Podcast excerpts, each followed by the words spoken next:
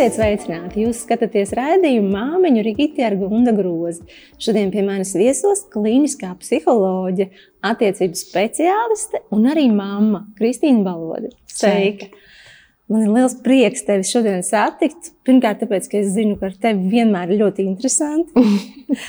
Un otrkārt, es zinu, ka tās tēmas, par kurām tu runā, ir arī mm. ārkārtīgi aktuāls, bet, nu, diemžēl, mm. bieži vien arī skaitās kā tādas tā kā tabū tēmas. Bet tu ļoti veselīgi un iedrošinoši par šīm tēmām runā. Mm. Kā, paldies, ka atnāci! Paldies par aicinājumu. Jā, un tātad tēma mums šodien ir par māmu seksualitāti, kā tā mainās līdz ar grūtniecību un ar bērniņa piedzimšanu. Mm -hmm. Un kādi ir tavi novērojumi? Kā tad mainās, kad tas bērniņš ienāk mammas dzīvē? Kas notiek ar to libido? Nu, kā kurai? Pirmkārt, jau piedzīvojot pašu grūtniecību, vajadzētu būt, kad mamma jau iepazīstās ar to, ka ir šīs.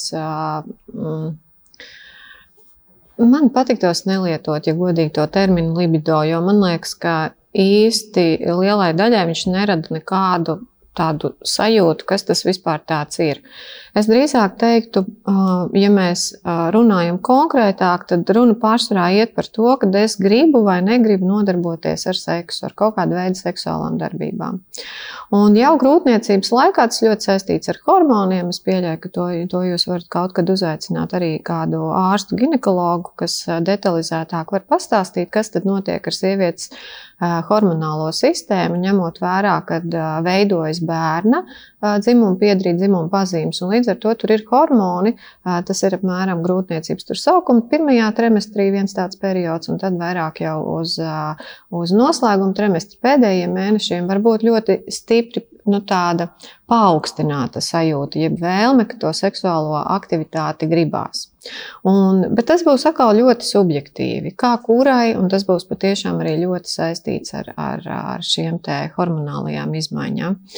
Un kopumā jau es teiktu, ka arī uh, ir forši, ka mēs daudz maz zinām par sevi jau būtībā no tāda pubertātes vecuma, kad kāds mums ir palīdzējis novērot, uh, kā tā mūsu uh, gribēšanas sajūta svārstās. Un redz, tajā brīdī, tad, ja mums ir jau bijusi šī pieredze, ka mēs saprotam, ka tā nav kaut kāda statiska gribēšanas sajūta, kur ir no pirmās dienas līdz pēdējai, tad arī pēc bērniņa piedzimšanas mums nevajadzētu būt pār, pārsteigumam, ka tas ir saistīts, šī pieredze ir saistīta ar svārstībām.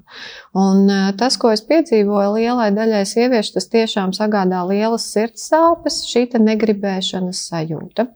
Un, e, diemžēl joprojām liela daļa sieviešu saskarās arī ar pārmetumiem no partneru puses, e, kas ar viņām nav kārtībā, kad viņas nav tādas gribošas. Tam ir arī savas dzimuma atšķirību, nu, kaut kāds pamats tīri fizioloģiskā ziņā, kādēļ viens organisms ir gribošāks, jo ir jāatbrīvojas no seksuālas spriedzes, un otram tādas seksuālas spriedzes nav.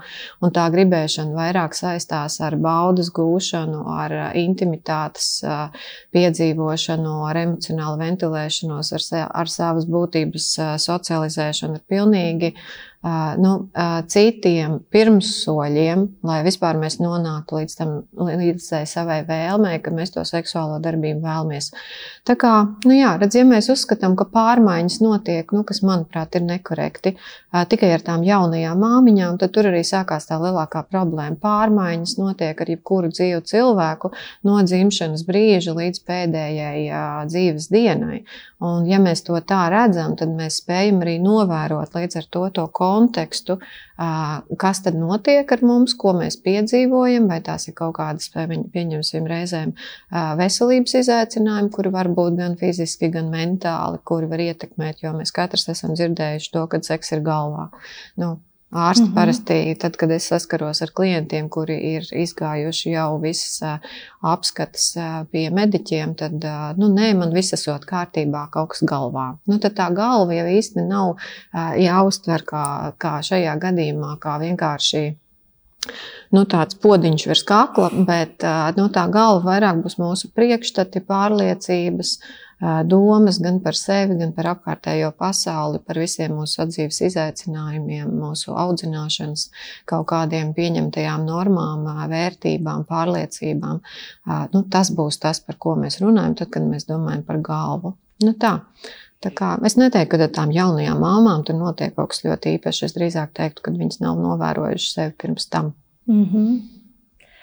Un, kā tu komentē to jautājumu, kad bieži vien sieviete jautā pati sev retoriski, vai tas ir normāli? Kas mm. ir normāli par šo te terminu vispār? Jā, nu redz, norma jau būtībā nāk no rietumu zinātnes. Nu, mēs nu, veicam pētījumus, un tad mēs kaut ko tur normalizējam caur tiem pētījumiem. Un kā mēs redzam, tad tā arī tā pētniecības pasaulē, norma mainās. Mainās laikmets, mainās mūsu apkārtējā vide, tā pašā laikā arī, piemēram, ekoloģiskā situācija. Līdz ar to mainās arī kaut kāda normatīva. Un tie, kuri kādreiz ir bijuši varbūt norma, tie tagad vairs nav norma, vai kas kādreiz neskaidrs neskaitījās norma, tagad jau ir norma. Tā kā nu, ar to normu ir, nu, ja mēs gribam iet tādā mm -hmm. terminoloģijā iekšā, tad ar to normu ir kaut kāds vidējais aritmētiskais, ap ko tad centrējās lielākā daļa populācijas. Bet, Nu, tas būs tas individuālais jautājums katram sev droši vien uzdodams, vai es tiecos kaut kādu vidēju aritmētisko, vai es gribu piedzīvot sevi. Un uh, varbūt priekš manis tā mana iekšējā norma varētu būt saistīta ar manu labsajūtu. Nu, vai es piedzīvoju sevi fiziski, mentāli, sociāli pietiekoši labklājīgi, nu, arī savā seksuālajā mm -hmm. pašrealizācijā. Tas priekš manis ir normāli, bet tam nebūs saistības ar citiem cilvēkiem, jo tur atkal kultūra tradīcijas var ļoti, laikmets un kultūra ļoti definēt, kas tad ir normāli un kas tad nav normāli. Vēl paskatoties pāris, nu, es nezinu, tādus desmit gadus, simt gadus atpakaļ, lielākai daļai sieviešu nebūtu piemērojams šāds dzīvesveids, kādu mēs, piemēram, dzīvojam kaut vai abas ar tevi. Tur būtu ko teikt, vai tas ir normāli, ko viņas dara. Par ko viņas vispār te runā? Par, par seksualitāti. nu, jā, nu, jā. Nu, tā kā mhm, tas ir mhm. stāsts par to normu. Vēlams, ka pieaugušs cilvēks pietiekoši brīvs no mēģināšanas sevi nepārtraukti iedabot kaut kādā normā. Es ļoti labi atceros, joprojām tikšanos ar lasītājām pirms dažiem gadiem. Uh, kāda žurnāla kontekstā, un tur bija arī jaunās mammas atnākušas, un mhm. viena no viņām teica, bet pajautājiet ekspertiem, kā es varu justies seksīgi, ja es staigāju mājās treniņbiksēs visu laiku. Man tas jautājums joprojām galvā. Un es domāju, pajautāt tev, vai vispār ir seksualitātei saistība ar treniņbiksēm vai zīdas vārkiem. Mm -hmm. Arī tie ir varbūt stereotipi, kam mēs pieķeramies. Un, un...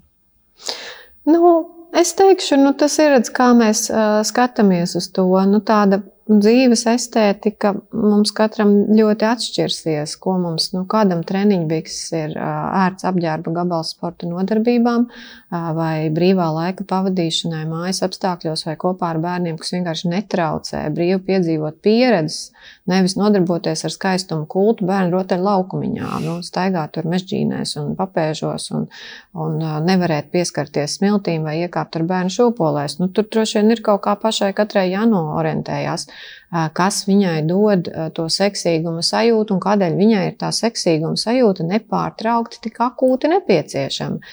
Nu, vai tā seksīguma sajūta ir kaut kas, kas ir tāda random pieredze no rīta līdz vakaram, no vakara līdz rītam, ar kuru man visu laiku jābūt kontaktā, un tiklīdz es tā nejūtos, ar mani kaut kas nav kārtībā. Nu, Nu, tas arī ir tas jautājums, ko es tur gribu ar to savu seksīgumu tad, risināt savā dzīvē. Tas nebūs droši vien jautājums par treniņu biksēm. Vai ne?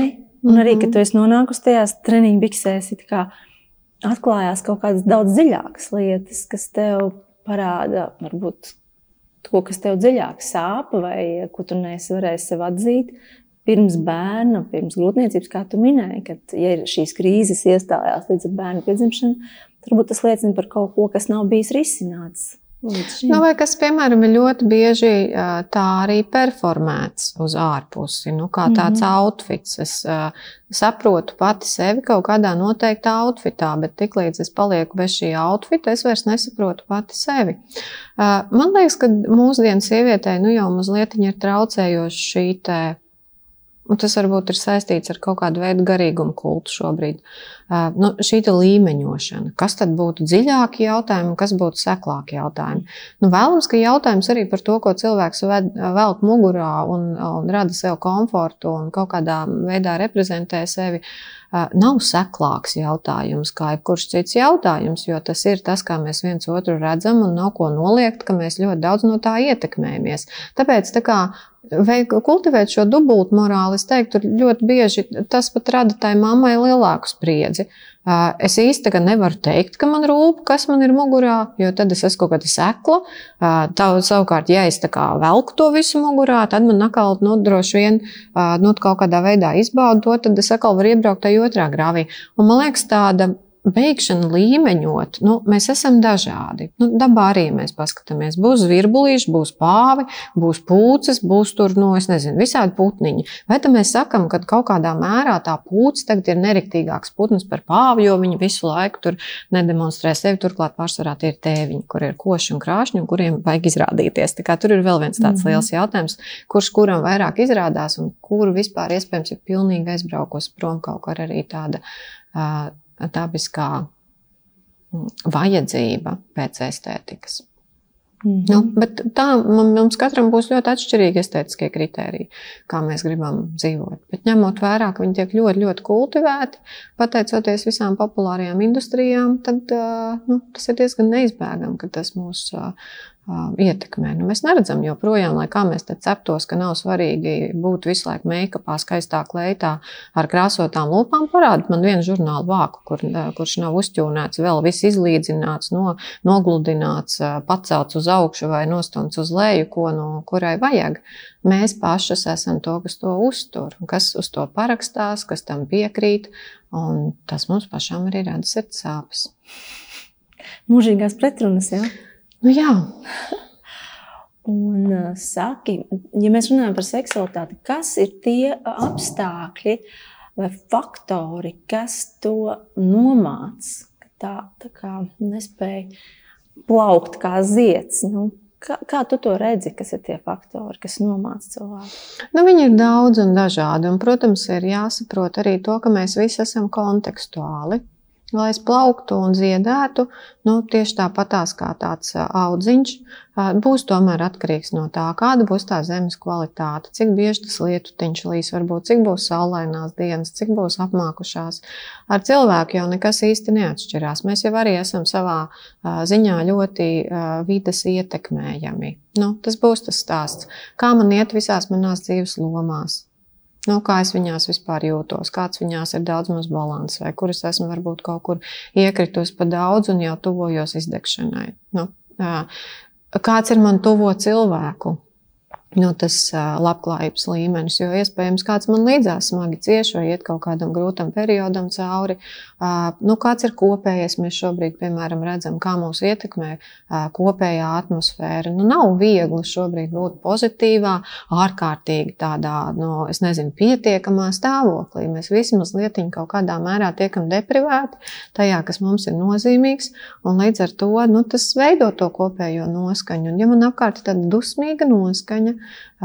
nu, tad es atnāku mājās. Katrs no tiem maniem līdzcilvēkiem šobrīd iet cauri daudzām grūtībām, ar kurām viņš mēģina tikt skaidrībā. Un lielākā daļa nelūdz palīdzību, jo mums nav joprojām mūsu kultūrā šāda tradīcija, kā normāla pašaprūpes, nu, normāls pašaprūpes instruments. Un tad es gaidu no sevis kaut kādu ārkārtīgi, nu, tur nezinu, ziedēšanu, plaukšanu un vēl kaut ko. Nu, tas ir tas reizēm mēs arī kaut kā pārāk sevis centrēti skatāmies, kad ar mani kaut kas nav kārtībā, jo obligāti ar mani kaut kas nav kārtībā. Bet ar mani kaut kas var nebūt kārtībā arī tādēļ, ka patiešām tas konteksts ir pietiekoši traucējošs, lai man būtu nu, tas mūdiņš tāds varbūt jaukāks, pozitīvāks un priecīgāks. Un tad vēl tur ir tās expectācijas, ka tam vajadzētu būt visu laiku. Cilvēks ir justspējīga būtne, sieviete arī tieši tāpat ir justspējīga būtne. Tas nozīmē, ka dienas laikā viņas emocionālajiem noskaņojumam, nu, ja viņi ir reaģējoši vispār uz ārpasauli, pasauli, tad viņa redz, viņa dzird, viņa sasmaržo, sagaršo, sataust un kaut kā jūtās un iekārtojas. Un kaut kādus notikumus uztver mentāli, viņus izprot, saprot. Viņai vajadzētu mainīties noskaņojumu. Tas nozīmē, kaut kad es sadusmojos, kaut kad es apvainojos, kaut kad es jūtos, nezinu, tur nokaunējusies, kaut ko aizmirsu izdarīt, kaut kad jūtos vainīga, kaut kad jūtos priecīga, kaut kad saprotu, ka kādu mīlu, kaut kad saprotu, ka nevaru kādu ciest.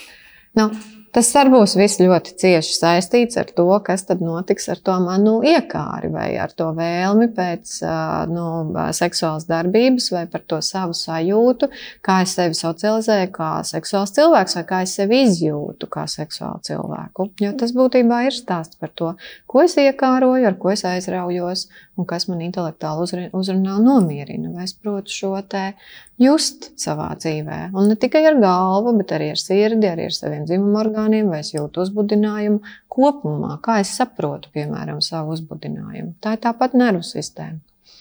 Būtībā mm -hmm. kairinājums ir kairinājums. Šajā pandēmijas laikā ir um, arī novērojams gan tas, ka daudzi pāri šķiras, ko mēs zinām, mm -hmm. Un otrs arī ir interesants, tas pozitīvais ir bērnu bums. Vismaz mm -hmm. šodien ir jā. bijis, jā, mm -hmm. kur ir jau izrēķināts, ka tas ir pateicoties pirmajam lockdownam, kas bija pirms gada. Jā. Ko tu novēro? Kas, kā mainās attiecības? Kādas tavas atziņas par šo laiku? Es ļoti novērtēju šo laiku. Manuprāt, katrs no mums šobrīd ļoti tiek konfrontēts ar to, ko mums katram nozīmē izvēle būt attiecībās. Kas, mhm. protams, vēlams kaut kādā mērā ir saistīts ar mūsu seksuālo dabu, ne tikai ar ekonomisko aprēķinu, sociālo izdevīgumu un, un vēlmi realizēties kā vecākiem. nu, es tiešām ļoti novērtēju, arī redzot ar vienu jaunas sejas savā kabinetā un lielāku interesi arī pēc atbalsta, pēc izglītības no seksualitātes jomā un partnerattiecību tādā jomā. Tad es teiktu, beidzot mēs saprotam, ka rietumu cilvēks ir ārkārtīgi privileģēts cilvēks. Viņš var izvēlēties, ar ko viņš veido attiecības. Tu aizklisēsi. Un, ja mēs kaut kur jā. esam, tur, kur mēs neesam, nav kaut kā mm -hmm. nejūtamies labi, vai kaut kas ir pamainījies, ko mēs esam darījuši, lai tas būtu savādāk, izvēle, izņemot ekspektējuši, ka viņi dzīvoja mūžīgi laimīgi. Un tagad kaut kas te man traucē, just to mūžīgo laimi, tātad kaut kas ar ārējiem faktoriem nav kārtībā. Bet ko es pati vispār, kā es redzu, kā es novērtēju, ka man ir tas partneris, kaut arī dusmīgs, nevarīgs, izmisis, iespējams, nepietiekoši pelnošs pats savās vēlams acīs, nevis manējās, ka es nesu tā mēraukla, kura zina, cik viņam vajadzētu pelnīt, jo es labāk zinu, kāds ir viņa potenciāls, un tad mēs dzīvotu labāk, un tāpēc es nevaru nodarboties ar seksu brīnišķīgi no, nu, noskaitīja visus šos, kas valda sabiedrībā un mūsu galvās. Un mm -hmm. tas, tas, tas dzīvo viss starp mums. Tu aizkulisēs minēji, ka šis ir laiks par pamatvērtībām. Jā, nu, krīzes apstākļi vienmēr savā ziņā ir par pamatvērtībām. Vai mēs varam palaist vaļā to savu milzīgo ambīciju vai ārkārtīgo spriedzi, ko rada nepārtraukta gaidīšana, ka šis beigsies. Šitas beigsies, un tad mēs būsim back in kaut kādā tur vecajā paternā. Tad ir liels jautājums, ko tieši mēs tur tik labi piedzīvojām tajā vecajā paternā, ir tīpaši tajā savās attiecībās, uz ko mēs tik ļoti raujamies atpakaļ. Jo arī, ja mēs paskatāmies, piemēram, uz tām partnerattiecību krīzēm, tad lielākoties pēc krīzēm tie pāri, kur izvēlās integrēt šīs pieredzes, nevis vienkārši apvainoties viens uz otru un aizskriet katrs uz savu pusi, tā arī nekādus secinājumus neizdarījuši, tad uh, tie pāri vienmēr nonāk pie lielākas intimitātes, pie dziļākas savā ziņā intimitātes, atklātības un atvērtības un mazākām expectācijām vienam no otra un kaut kādas pieprasīšanas kultūras, ka man no tevis kaut kas pienāktos tikai tāpēc, ka es te tāda esmu. Es tā kā esmu tik brīnišķīga, karaliene, tur vēl kaut kāda dīva. Dieviete. Un, dieviete, un kas tik es, ne, kas tik es neesmu. Un man te tā viss pienākās. Mm -hmm. nu, tā ir realitāte.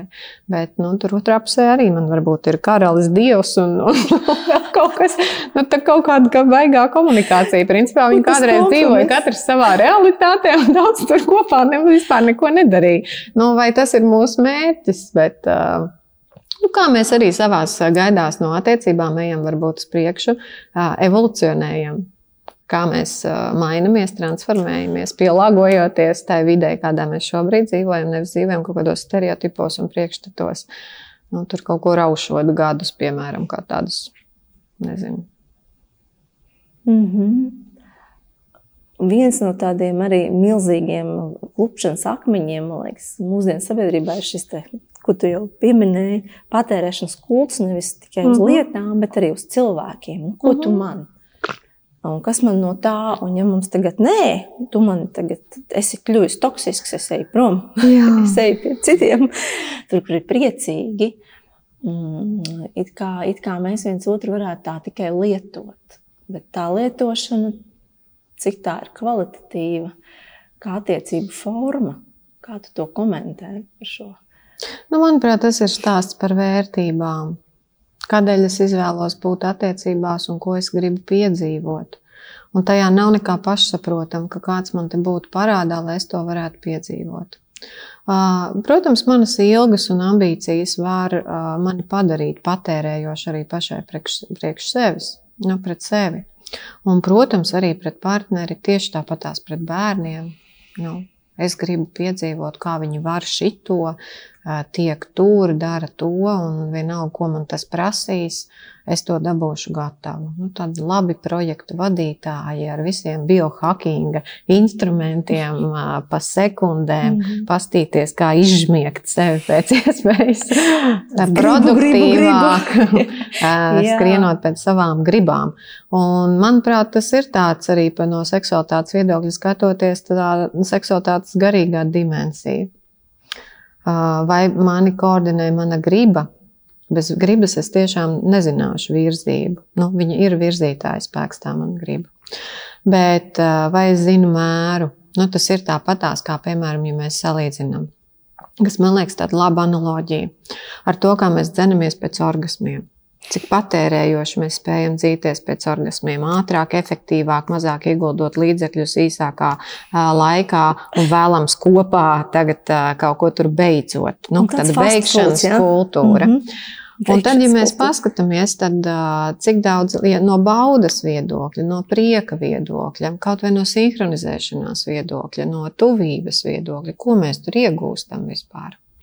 Nu, tā kā tur ir tas jautājums, ja mēs pazaudējam procesu, no to prieku baudu arī izaicinājumus, ko mēs piedzīvojam ceļojumā, nu, tad vai pats tas ķeksis es biju, nezinu, Polijā, jo tālāk nevarēju šobrīd tikt. Uh, nu, tagad ir kaut kas, yes, es biju mm. tajā polijā. Cik forši tur runā. Tev ir arī brīnišķīgs YouTube raidījums kopā ar mm -hmm. tavu kolēģi Maksimu Buselu. Mm -hmm. Un jūs runājat par seksuālo inteliģenci. Saki, kāpēc tas bija tik svarīgi? Jo tomēr tas ir, ir arī diezgan liela piepūle to, to visu organizēt, darīt. Un... Jā. Nu, kad es ar kaut ko gribu. gribu iet līdz laikam. Nē, kaut kādai savai aktualitātei un misijas apziņai vai vēstījumam, kas tev bija tas svarīgākais? Nu, pirmkārt, es saku, tur, protams, vienmēr apakšā ir mums vēlams kaut kādi dziļi personiski motīvi. Un viens no tiem maniem nozīmīgajiem motīviem, es nespēju vairs tolerēt to, kādas sāpes cilvēkiem nodara viņu nezināšana. Un šī sajūta, ka viņi nav normāli un ka ar viņiem kaut kas nav kārtībā. Es vienkārši cilvēciski nespēju vairs sēdēt un just, cik ātri to var transformēt. Nu, tad, kad viņi nonāk līdz, tai, līdz tam kabinetam, līdz tam darbam, cik ātri viņi izkustās no tā mirušā punkta, kurā nu, savā ziņā kaut kādu apstākļu dēļ mēs joprojām Latvijā šeit esam. Nu, savu seksuālo zināšanu, nu, tādā, un līdz ar to arī attieksmi, un līdz ar to arī tādas cietsirdības vienam pret otru ziņā. Tā kā tas pirmais bija, es mēģināju tikt vaļā no kaut kādām ciešanām savā dzīvē. Tas ir tāpēc, darot... ka tu ikdienā satiec cilvēkus un dien dienā to dzirdi ne jau Nē, nu, protams, nu, kā, nu, tas ir mans darbs. Nu, jā, nu, jā. Nu, tas ir mans darbs. Tas jau ir tas, kā, kādēļ es piekrītu intervijām, mm -hmm. kādēļ es jebkur esmu nu, iespēju robežās gatava par šo te runāt. Nu, tā, tā, tā ir tā mana specializācija. Es izvēlējusies to darīt. Nu, tieši tāpat tās kā kardioķirurgs izvēlētos runāt par tām lietām, kas skar mūsu, nu, mūsu iespējams sirds veselību, lai tur ar laiku nebūtu kaut kādas problēmas. Un, nu, mums katram ir kaut kāda sava specialitāte socializācija, ar ko mēs nodarbojamies, un ja tā tiešām ir tā mūsu kaislība, ticība un pārliecība, kurā mēs ieguldamies, nu, mēs jau redzam, kur reizēm tās lietas ir vienkāršākas, apgūstamākas un attīstāmākas, ja mums ir zināšanas. Nu, tas ir tāpatās, kā mēs visi ne jau no zila gaisa, protam, lasīt. Mums kādreiz kāds ir iemācījis burtiņus, mēs dzīvojam sistēmā, kur, kur šī valoda tiek lietota, un, un mēs varam uztvert šādā veidā informāciju. Tieši tāpat tās ir arī par to savu seksuālo izaugsmi, tādu seksuālo inteligenci, jeb zināšanām un kompetencēm un prasmēm. Mums ir nepieciešami pamatelementi, lai mēs varētu sākt ap viņiem radīt kaut kādu struktūru, veidot vārdus, būvēt teikumus, paplašinātus teikumus, izteikties jau radoši. Un, nu, tas ir tas, kādēļ es izveidoju to seksuālās kompetences un erotiskās mākslas centru, lai tā kā arī parādītu, ka tas nav tikai par tādu brutālu, mūsu seksualitāte nav par seksuālām darbībām. Mūsu seksualitāte būtībā ir mūsu dzīves prieka pamatā. Nu, viņa ir tā, kura rūpēs par to, lai mums būtu tā dzīves garša. Tas, es saku, tai gribēšanai ir ļoti liela nozīme, tam uzbudinājumam, tam kairinājumam, tai spējai izbaudīt, vilkt viņu garumā, piedzīvot viņu plašāk, ir nu, ļoti izšķirīga nozīme tajā dzīves kvalitātē, kādu mēs varam sev nodrošināt. Ja mums šis nav pieejams tikai tāpēc, ka neviens par to nerunā, turklāt mēs esam Eiropā. Eiropas Savienības valsts. Tas mēs neesam kaut kur. Mēs esam būtībā valstu struktūrā, kur mums apkārt ir šī izglītība. Mums ir pieejama literatūra, mums ir pieejami resursi, mums ir valodas barjera lielai daļai, jo, protams, tas nav tā kā dzimtajā valodā kaut ko uztvert, saprast. Un tas ir apgrūtinoši, mums ir vienkārši tāds lokālais resursu trūkums, kurš nu, šobrīd es redzu, ka viņš ir iekustējies, ka rodās ar, ar vien vairāk cilvēki, kuri aizraujās ar šo te, kur grib ieguldīt gan savu nu, profesionālo kapacitāti, gan arī personisko. Nu, ir, ir tiešām nu, tāds arvien paplašinās, nu, tāds aktīvisms ap šo visu. Bet reizē man tiešām ir tāda sajūta, ka nu, tas ir tāds burbulis, viņam vienkārši ir jāpārsprāgst, lai mēs kļūtu par daļu jau no, no tās pasaules daļas, kurā šis ir mazliet augstākā, nu, tādā labklājības līmenī. Nu, kur tas nav kultūras vairs... mantojums, tas ir ieaudzinātais. Nu, zin, kā, tas droši vien būs gundīgi politisks jautājums, un es varbūt neskaršos tam mm -hmm. šobrīd šeit klāt, jo nu, cik ilgi mēs varam runāt, mēs neesam vienīgā postpadomju valsts. Mm -hmm. Nu, cik ilgi mēs varam uz šo skatīties, tas pirmkārt tās sen vairs nav realitāte. Šeit runa jau vairs nav par diviem gadiem vai trīs gadiem, tās jau ir desmit gadus, nu cik vēl? Nu, tas ir kaut kas mūsu pasivitātē, mūsu bailēs, mūsu pašu atbildības, nu, tādā nu, nevēlēšanās uzņemties to atbildību par to savu seksuālo labklājību, un līdz ar to par savu cilvēku, nu, līdzcilvēku seksuālo labklājību un par savas valsts seksuālo labklājību. Bet tas nav, protams, kaut kāds viena cilvēka pieredze. Tur ir šī vajadzība sanākt kopā, un tas bija otrs iemesls, kādēļ es taisīju to podkāstu. Jo man likās, ka tā varētu būt brīnišķīga platforma, kuras varu runāt ar cilvēkiem, kuriem arī šis rūp, un kuri ir gatavi dalīties ar to, ko zina viņi, kā viņi tur ir piedzīvojuši. Tāpēc tur nav neviens nejaušs viesis. Tie viesi ir, lai no kura aspekta savā dzīvē viņi nāktu. Viņi ir dīlojuši un reizēm dīlojuši galīgi ne ar patīkamām uh, lietām, tikai tāpēc, ka mēs joprojām dzīvojam seksa negatīvā un tādā seksualitāti noliedzošā kultūrā, un viņi ļoti sašaurināti uzreiz nonivelējam līdz seksuālai darbībai un sākam koordinēt, kurš ar kuru drīkst nodarboties ar seksuālu darbību. Un to vēl ieliksim tagad kaut kādās tur regulās un likumos. Nu, tā kā brīžam tas šķiet jau līdz tādam absurdam, kurš pēc būtības pārkāpj cilvēktiesības uz brīvu pašrealizāciju. Nu, un, un tajā ir, manuprāt, kaut kas ļoti, ļoti kaut kur netur aizgājis. Cietsirdīgs un, un savā ziņā absolūti nu, tāds brīžam pat iracionāli nesaprotams. Forši, ka tu par to vari runāt tik saprotami, cilvēcīgi, iedrošinoši, jo tev ir patīkami klausīties. Uh -huh, un es teiktu, ka tev ir diezgan tāda ekskluzīva niša. Es, es nezinu ļoti daudz tādus tava līmeņa ekspertus Latvijā. Jūs jā. esat salīdzinoši maz. Nu, jā, nu, zin kā, lai tu kļūtu par, nu, tas eksperts man reizēm mulsina tas tituls. Uh, es interesējos par šo te kopš saviem studiju gadiem, un kaut kas manā personībā ap šīm tēmām ir rezonējis vienmēr. Uh, Nu, līdz ar to mēs jau nevaram arī gluži uh, no sevis gaidīt kaut ko, kas mums ir svešāds, vai mēs jūtamies samulsuši. Es nāku salīdzinoši no uh, tās lab, labklājīgās augsnes šajā ziņā. Nu, man ir bijusi pietiekoši, cik nu tajā manā brīdī, kad es augu kā bērns, varēja būt pietiekoši kaut kāda iespēja reflektēt par šo, bet es neesmu saskārusies ar kaunināšanu, ar kaut kādu kailumu noliekšanu vai kailumu seksualizēšanu. Es neesmu saskārusies ar kaut kādām traumatiskām pieredzēm, kas ir skāris, nu, tā, veidojis manu seksuālo izaugsmi. Protams, tajā ir arī bijis pietiekoši labvēlīgs fons un savā ziņā arī traumas, kuras ir piedzīvotas šajā ziņā, ir mudinājušas domāt, kas tas ir un ko ar to tagad tālāk darīt darīt. Bet es teiktu, ka lielāko pateicību es noteikti varu tomēr izteikt tām savām psiholoģijas studijām, kas vispār ir pievērsušas uzmanību, cik nozīmīgi ir saprast sevi kā cilvēcisku būtni. Nu, nevis uzskatīt, ka uh, psiholoģija ir zinātne, un Latvijā mazliet vēl joprojām mēs kā, uh, uzskatām, ka mums vajadzētu kā, piedzimt uh, spējīgiem tikt galā ar jebkurām dzīves grūtībām. Tā, protams, ka nav. Un pateicoties psiholoģijas zināšanām, nu, mums ir pieejams vispār ļoti daudz, kas nu, nu, tādā izpratnes ziņā un tajā, kas mums apkārt notiek. Un es teiktu, ka man tas arī noteikti bija tāds ļoti, kur es tiku klāt, varbūt arī tai vidē, akadēmiskajai vidē, kuras varēja padziļinātāk sākt par šo te interesēties jau savos kursu darbos un, un nu, nu, pamazām attīstīties. Bet tā bija mana subjektīva izvēle.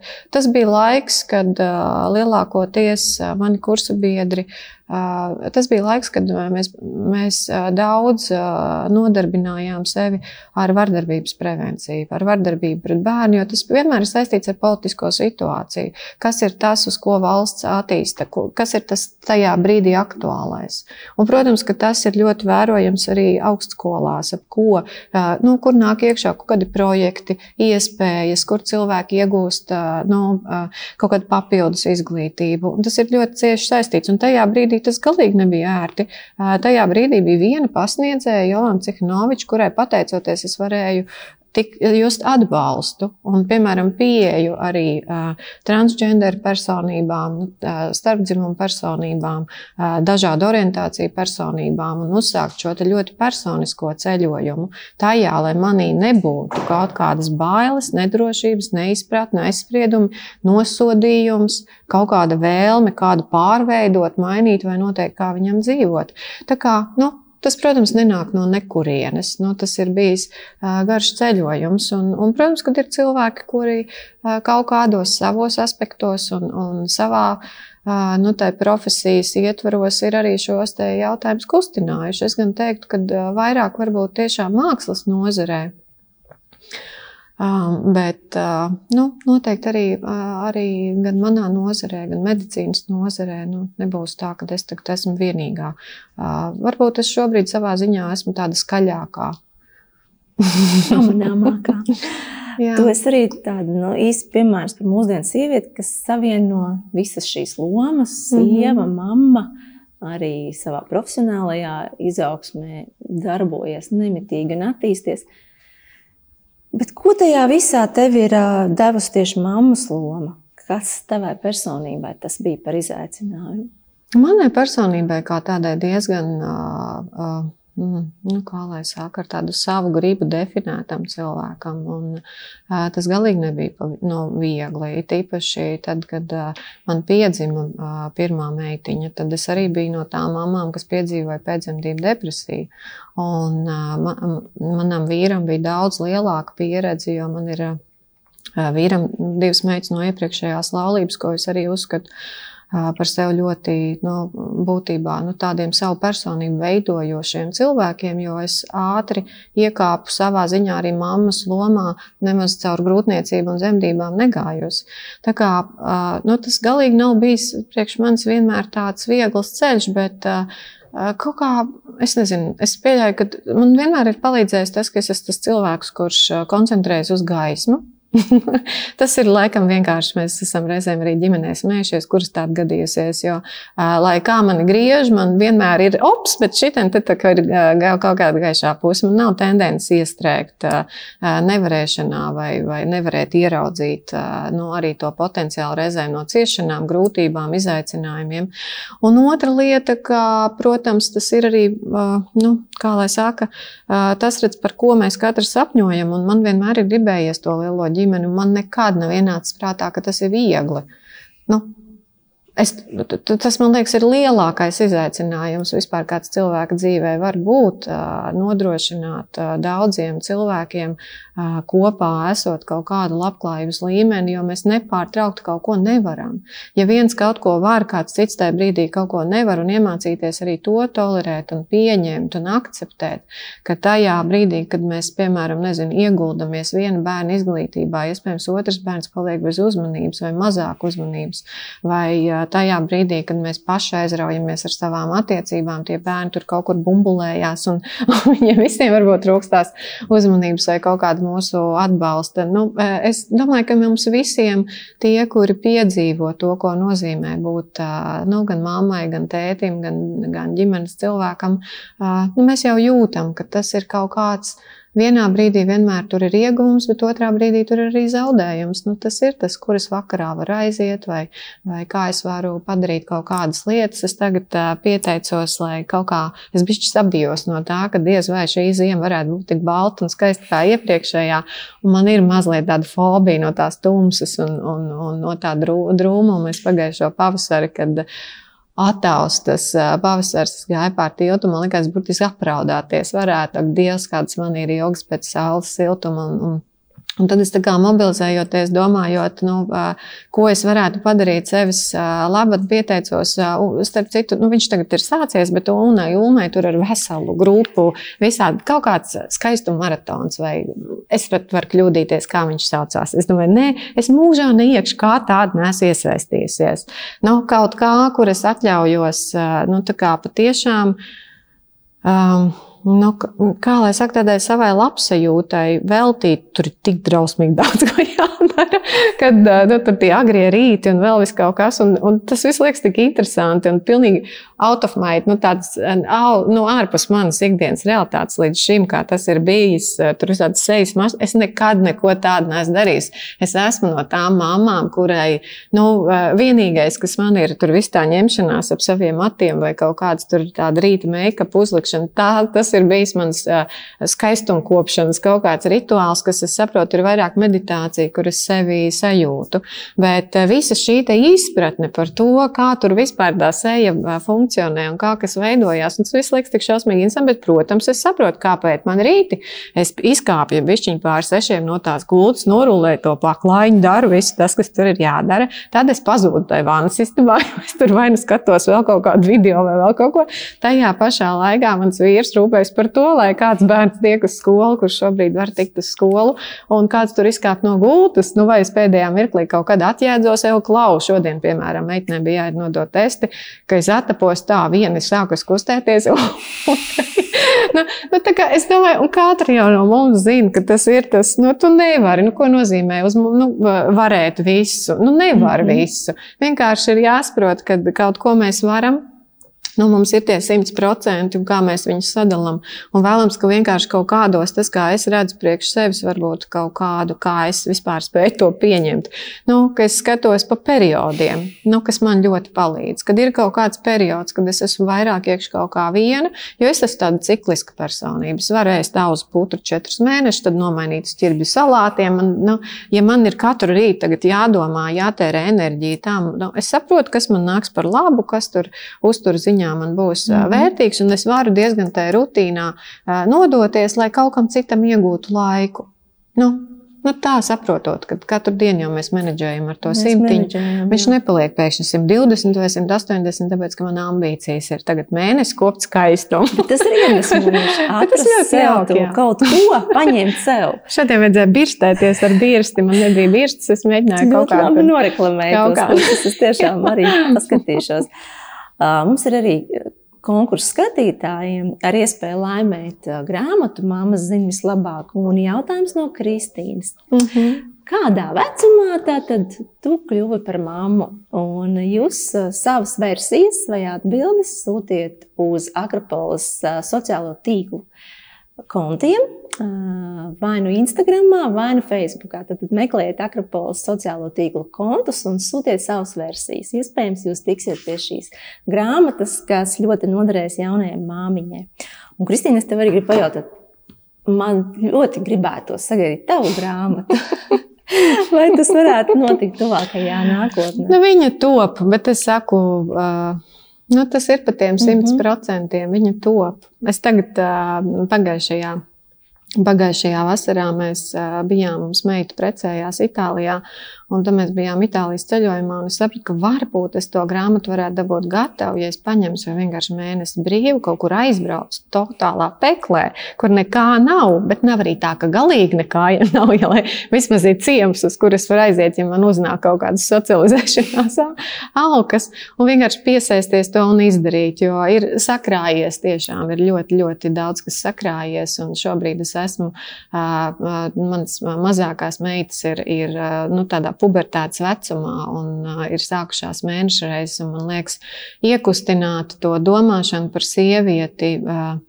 Manuprāt, tajā brīdī, kad viņām tagad to vajag, nevis sagaidīt kaut kādu pilngadību vai precēšanos vai vēl kaut ko, tas ir varētu būt tas, ko es kā māma arī varētu izdarīt priekš sevis, priekš viņām, priekš citām mamām un meitām, kā kaut kādu iespēju satikties ar šiem reizēm komplicētajiem jautājumiem, kur mums pašām nav drošības un galīgi nav pārliecības, un, un arī reizēm nav labklājības.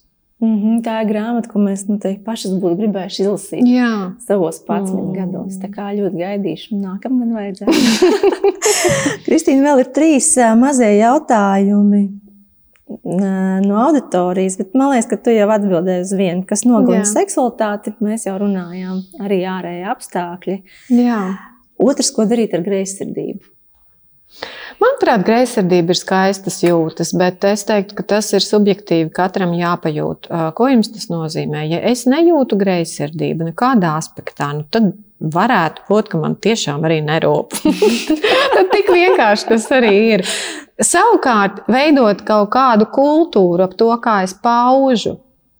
Nu, ar to domu, lai greizsirdība nav tā, kas diktē manas rīcības, lai spēju saprast, kas ir manas vērtības, un jūtoties, jūtot to greizsirdību, lai es tomēr spēju savas rīcības koordinēt pēc savām vērtībām. Jo tad jau tā greizsirdība var nākt vienkārši kā tāds papildus impulss aktualizēt savas vērtības nu, kas reizēm mm -hmm. ir par to, kā es ieguldos tajā, lai man, piemēram, ir vairāk.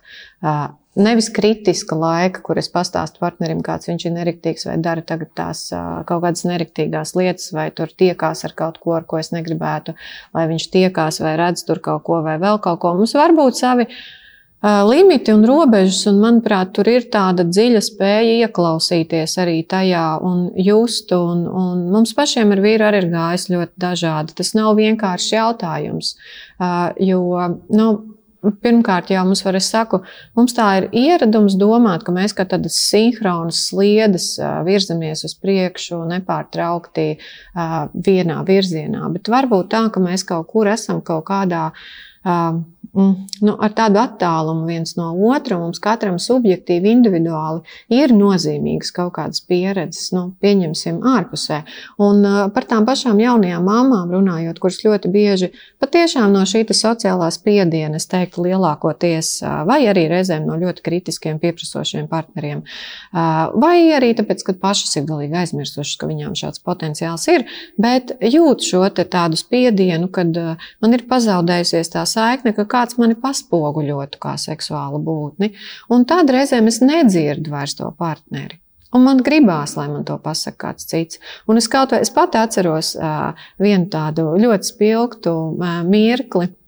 Kad es gāju uh, caur vērmanas dārzam, man liekas, jā, tas bija uh, tāds uh, foršs rudens vakars. Es gāju, un tur bezpajumtnieks sēž kaut uh, tāds uh, onkulīts, uh, nu, ar visu to savu uh, paunu, un, uh, bet uh, ļoti, ļoti jauks un sirsnīgs. Un, un viņš tā pagriežās pret mani un saka, ak, Dievs, cik jūs skaisti izskatāties! Un es saprotu, nu, lai ko tas uh, vīrs tur kādā brīdī teiktu, vienkārši saprotu, tas ir par to negaidītību. Nu, gan no tā cilvēka, gan no tās formas, cik ļoti patiesi tas bija. Nu tā, ka, zini, kā tev gribas pastāvēt, tad vienkārši papriecāties, gan viņam ļaut papriecāties, mm -hmm. gan pašai.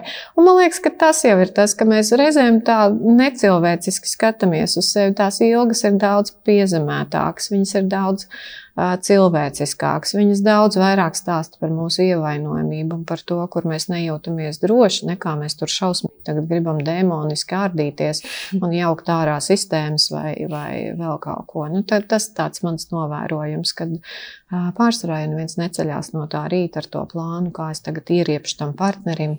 Tur ar kaut kādām savām darbībām. Nu, bet, vai mēs spējam, piemēram, kā pieauguši cilvēki, runāt par to, Nu, kā es jūtos tajā brīdī, kā man patīk šī sajūta, kā es reizēm tiecos pēc šīs sajūtas, un jo mazāk man viņa ir bijusi, vai jau iespējams viņa man vairāk nozīmē, jo šis aspekts būt seksuālai sievietei man varbūt ir nozīmīgāks, piemēram, nekā būt, nu, nezinu, veiksmīgai savā karjerā.